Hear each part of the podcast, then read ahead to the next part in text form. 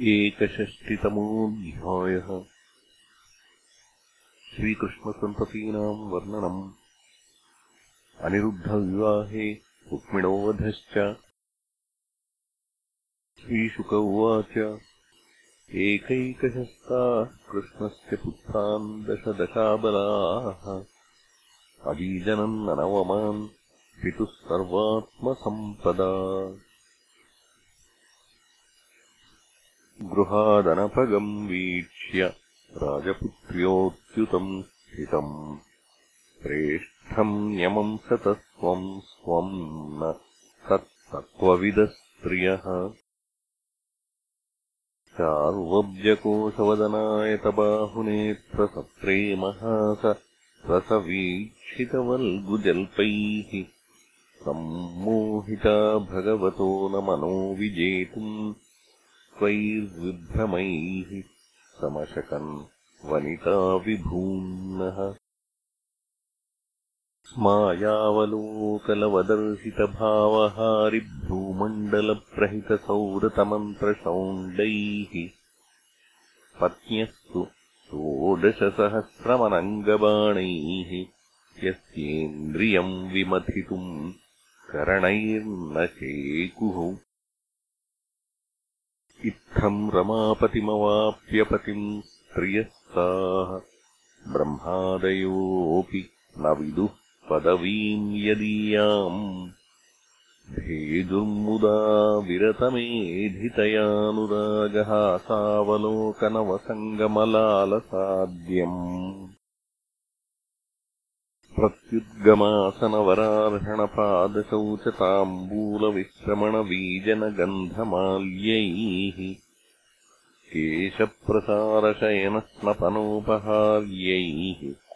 दासीशता अपि विभोर्विदधुः स्म दास्यम् तासाम् या दशपुत्राणाम् कृष्णस्त्रीणाम् पुरोदिताः अष्टौ महिष्यः तत्पुत्रान् प्रद्युम्नादीन् गृणामि ते। चारुदेष्णः सुदेष्णश्च चारुदेहश्च वीर्यवान्। सुचारुश्चारुगुप्तश्च भद्रचारुस्तथा परः। चारुचन्द्रो विचारुश्च चारुश्च दशमो हरेः प्रद्युम्नप्रमुखा जाता रुक्मिण्याम् नावमापितुः।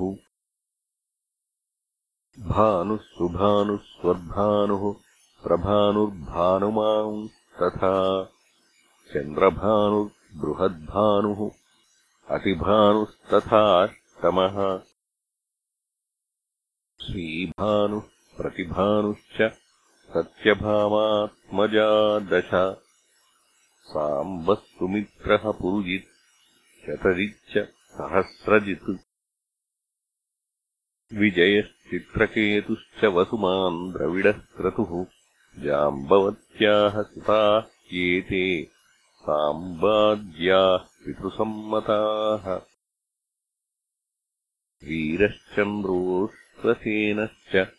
चित्रगुर्वेगवान् वृषः आमः शङ्कुर्वसुः श्रीमान् कुन्तिर्नाग्नजिते स्तुताः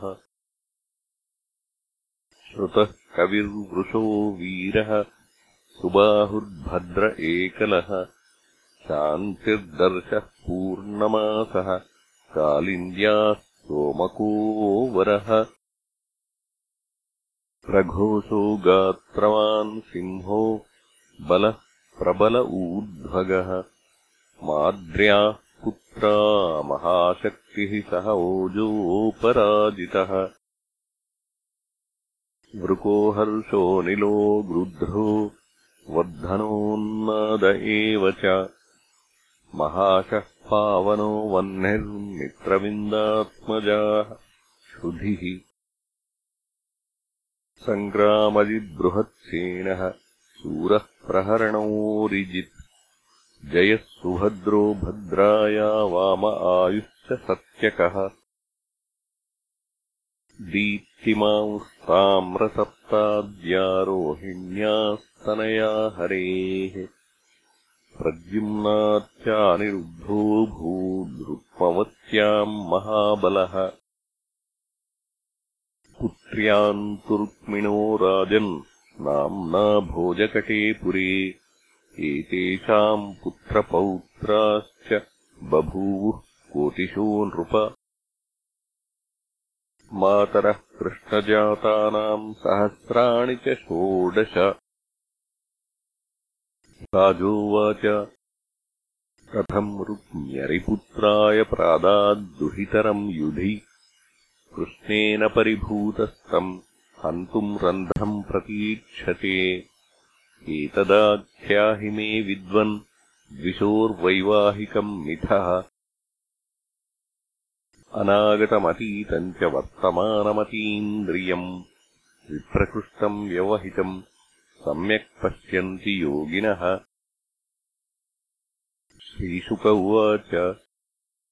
वृतः स्वयंवरे साक्षादनङ्गोऽङ्गयुतस्तया। राज्ञः समेतान्निर्जित्य जहारैकरथो युधि।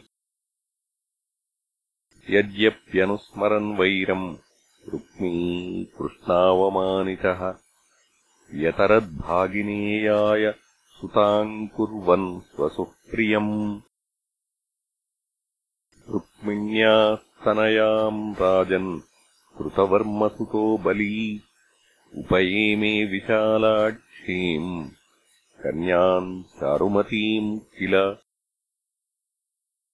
दौहित्रायानिरुद्धाय पौत्रीम् रुक्म्यददाद्धरेः रोचनाम् बद्धवैरोऽपि स्वसुः प्रियचिकीर्षया जानन्नधर्मम् तद्यौनम् स्नेहपाशानुबन्धनः। तस्मिन्नभ्युदये राजन् रुक्मिणी रामकेशवौ। पुरम् भोजकटम् जग्मुः। साम्बप्रद्युम्नकादयः। तस्मिन्निवृत्त उद्वाहे कालिङ्गप्रमुखा नृपाः दृप्तास्ते रुक्मिणम् प्रोतुः बलमक्षैर्विनिर्णय। अनक्षज्ञो ह्ययम् राजन्नपि तद्व्यसनम् महत् इत्युक्तो बलमाहूय तेनाक्षैरुक्म्यदीव्यत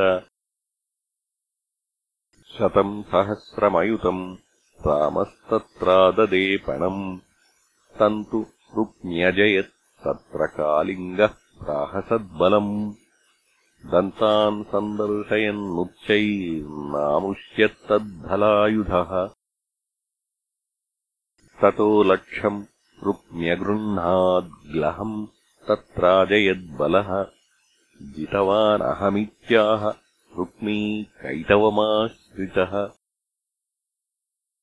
मन्युनाक्षुभितः श्रीमान् समुद्रैव पर्वणि। जात्यारुणाक्षोतिरुषान्यर्बुदम् ग्लहमाददे। तम् चापि जितवान् रामो धर्मेण छलमाश्रितः रुक्मीजितम् मया त्रेमे वदन्तु प्राश्निका इति।